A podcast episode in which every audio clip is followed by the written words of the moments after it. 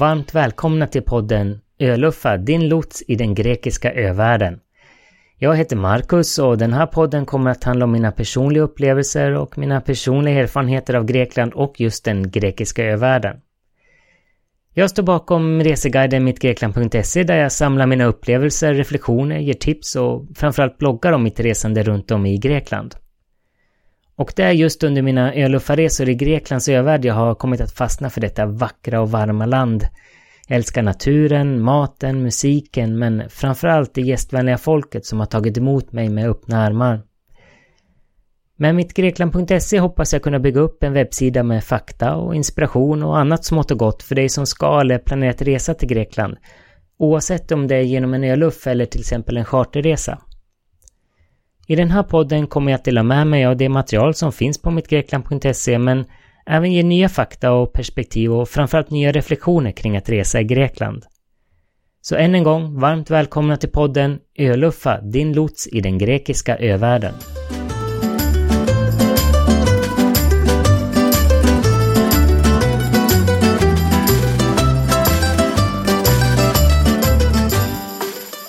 I det här avsnittet kommer jag berätta lite mer om mina första upplevelser av Grekland, min första öluff och vilka lärdomar som jag och mina vänner drog på de här resorna.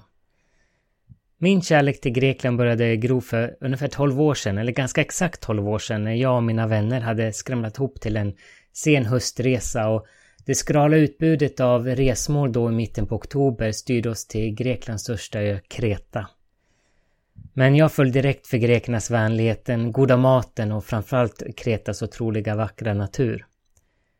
Och det var i samband med letandet efter en resa som jag trillade över information om att öluffa.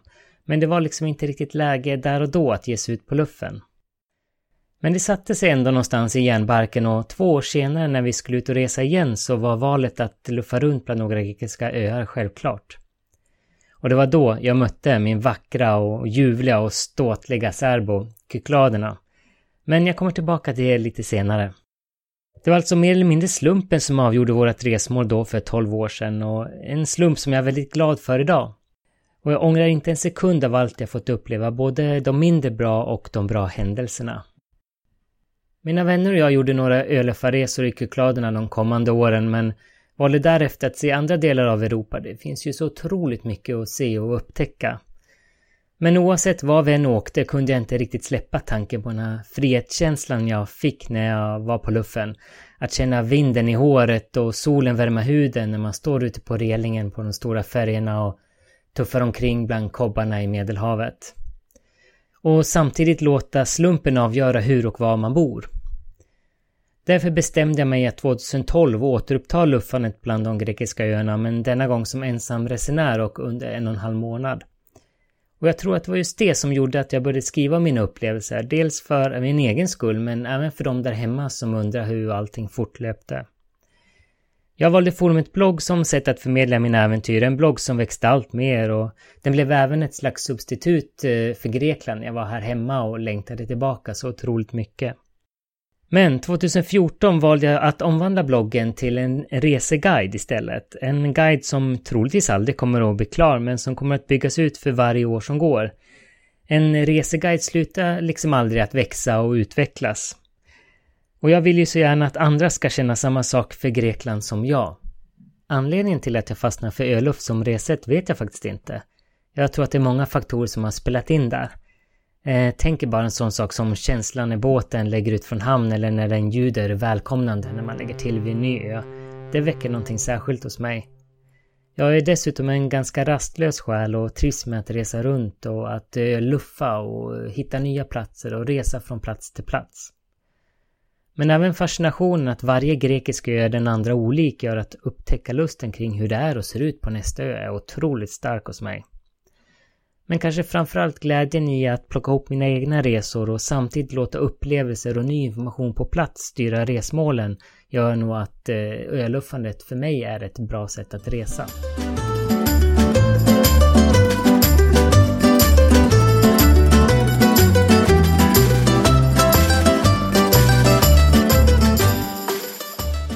Det finns nyanser i begreppet luffare som står för kringvandrande tiggare men också för en vagabond, en individ som följer en vandrares livsstil.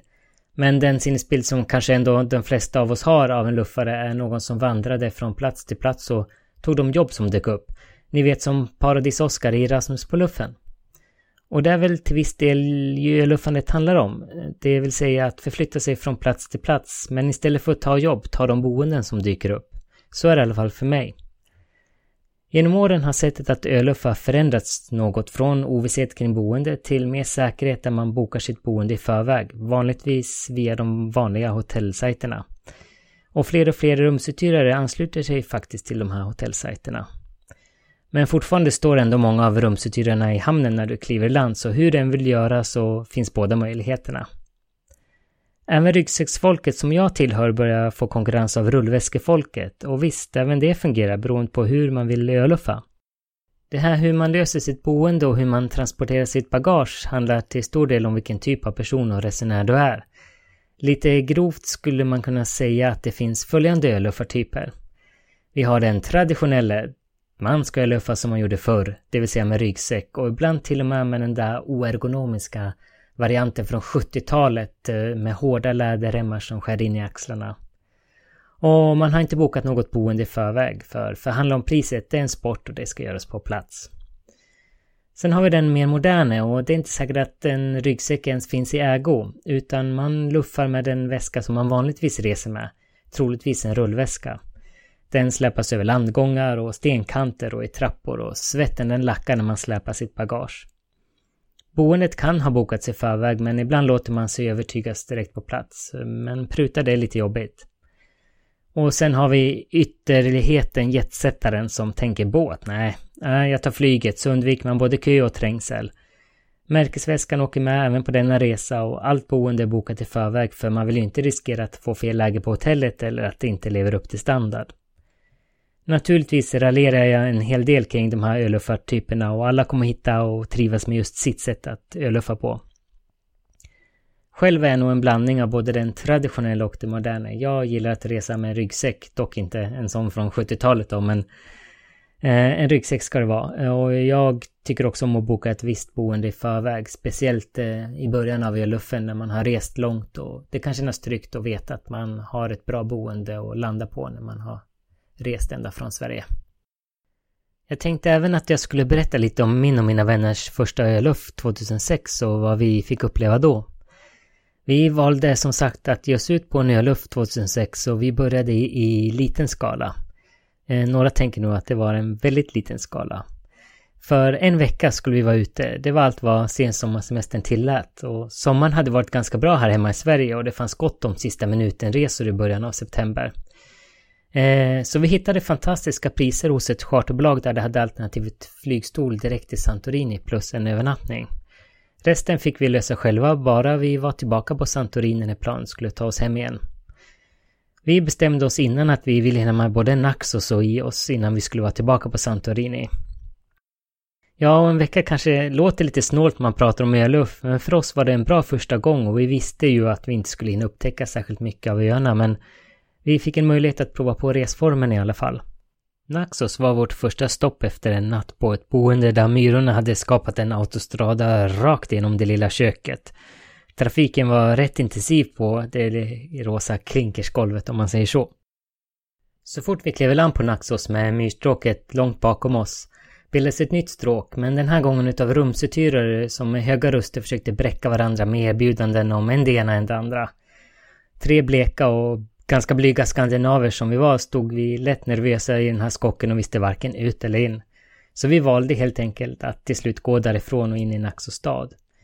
Och det dröjde ett tag tills de slutade följa efter oss och ropa ut sina inviter. Men ganska snart frågade var och en av dem vi mötte om vi behövde rum och vi valde att tacka ja till en liten vänlig gumma med svart sjal och eh, som lockade oss med stora röda äpplen i sina nariga händer.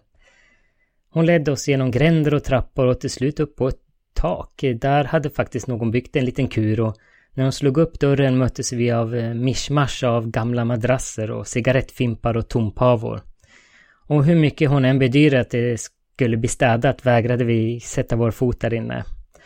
Men suck eh, visade hon oss vidare till en liten lägenhet i närheten som vi efter mycket tandagnissel hyrde för bara en natt, inklusive frukost. Vad vi inte visste var att frukosten serverades hemma hos henne på innergården tillsammans med gamla motorer och gula plastdunkar och ogräs och en hel del tvätt. Jag glömmer aldrig hennes stolta ögon när hon serverade oss sin hemkokta marmelad och vi åt av ren och skär vänlighet för när vi såg hennes nagellossning så knastrade de här kokta apelsinmarmeladen ganska mycket. Vi bestämde oss för att samma morgon be oss ut utanför Naxo stad istället till Agiana med de otroligt vackra stränderna där ute.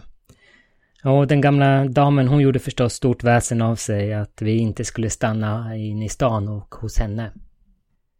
Det var lite jobbigt då, men nu med mer erfarenhet vet jag att det i regel tillhör spelet mellan rumsutyrare och öluffare och framförallt vid de kortare vistelserna. Denna första öluff stannade vi fyra dygn på Naxos och jag tror att det var tre dygn som vi var helt utan varmvatten i boendet, men det var en jättefin lägenhet och vi hade en otroligt vacker havsutsikt. I alla fall om man lutade sig riktigt långt ut över balkongräcket och den andra höll fast fötterna på en.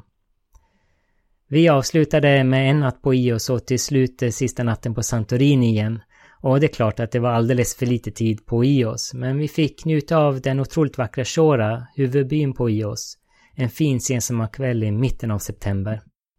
Det var några saker vi lärde oss under den här första ölöffen 2006 och bland annat var det så att om man tycker det är jobbigt att diskutera boendet precis när du har klivit i land och rumsuthyrarna skockar sig runt dig så säg att du redan har ett rum och vandra vidare. Rum hittar du i regeln då. Det är personer som sticker ut huvudet genom fönstret och ropar efter dig och frågar om du vill ha någonstans att bo. Det kan också vara en tavernägare som har riktigt bra koll på ledigt boende i området. Tänk bara på att under högsäsongen, det vill säga juli till augusti, kan situationen se lite annorlunda ut. Och då kan det vara bra att vara mer noggrann med hur man får ta på sitt boende.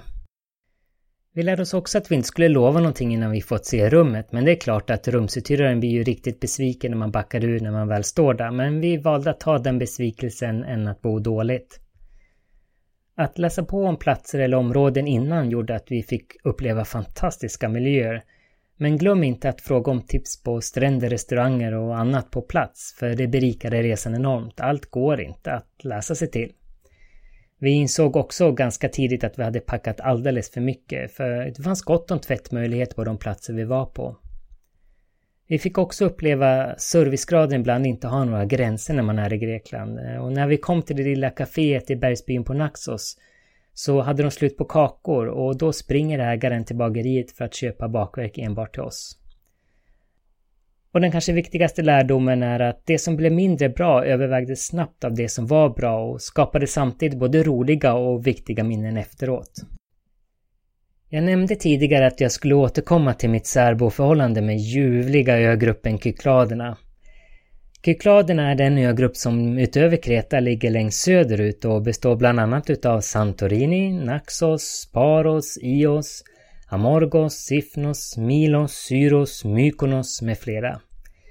Jag återvände till henne år efter år för hon uppfyller just min sinnesbild av Grekland med karga landskap, vita kubformade hus med blå detaljer och små byar med stenlagda gator och åsnor som skriar ljudligt och tuppar som galer i utkanten av byarna. Återigen kan det vara slumpen som avgjorde valet av min kärlekspartner för Grekland är givetvis mycket mer än så, men det är Kykladerna jag drömmer om här hemma när mörkret och kylan är som tyngst. Vi får väl alla våra favoritöar och många resenärer återvänder till samma ö år efter år. Själv gör jag små avstickare varje år men återvänder till Kykladerna gång på gång. Den nordligaste ön i Kykladerna är Andros och jag tänkte avsluta detta poddavsnitt med en liten bit från bloggen från Öluffen 2012 när jag kom i land på den magiska ön Andros. Den lätt korpulente mannen i vit skjorta med gula intorkade svettfläckar skrek något obegripligt till mig och puttade ut mig på fast mark. Jag och ett hundratal andra. Solen hade precis börjat gått ner och de vita husen skiftade i rosa och i orange i stjärnans sista strålar. Jag var äntligen på Andros. Jag var på Andros och alla mina fantasifoster om att allt skulle gå fel var som aborterade. Jag hann knappt känna in intrycket från Gavrio, Andros hamnstad, eftersom folkströmmen tryckt mig fram till de allmänna transportmedlen och utan att ha upplevt att tagit ett enda steg så stod jag vid en taxichaufför som plockade av mig ryggsäcken och frågade vart jag skulle.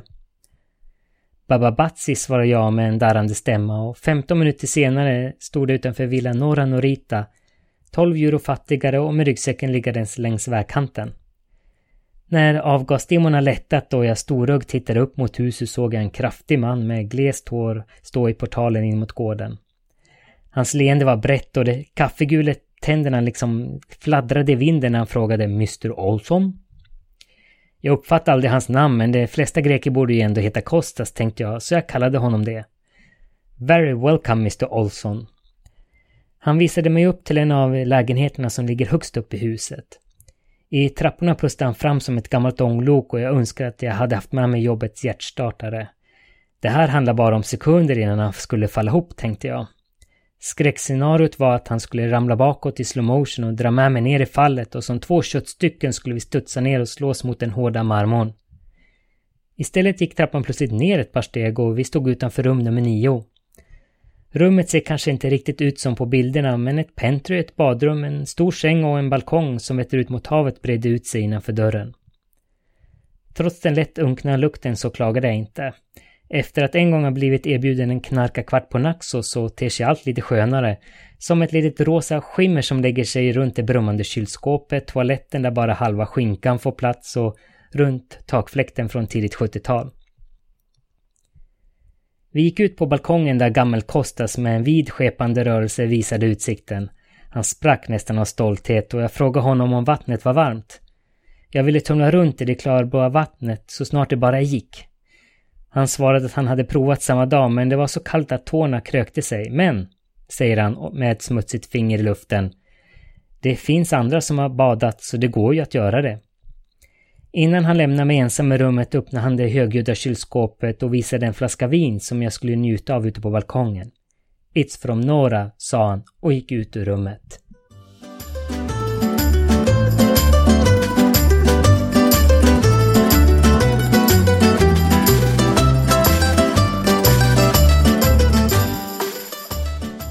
Ja, det var allt vad jag hade att bjuda på i detta avsnitt. Det blev en ganska kort redogörelse och bakgrund till varför Grekland ligger mig så himla varmt om hjärtat och vad jag och mina vänner upplevde den där gången 2006 på vår första öluff. Jag hoppas också att ni har fått en bild av varför öluffandet är min favoritreseform som jag fortfarande håller fast vid så här 26 öar senare. I nästa avsnitt som kommer om cirka två veckor kommer jag prata om lite mer matnyttiga saker som kostnader, tid, när under året kan man åka och vad innebär det att åka under en viss period och hur hittar man information om de olika resmålen samt de olika resätten i en öluff. Så tack för denna gång och på återhörande och nästa vår du Rasmus, då går vi allt en sväng igen, du och jag. Jassas!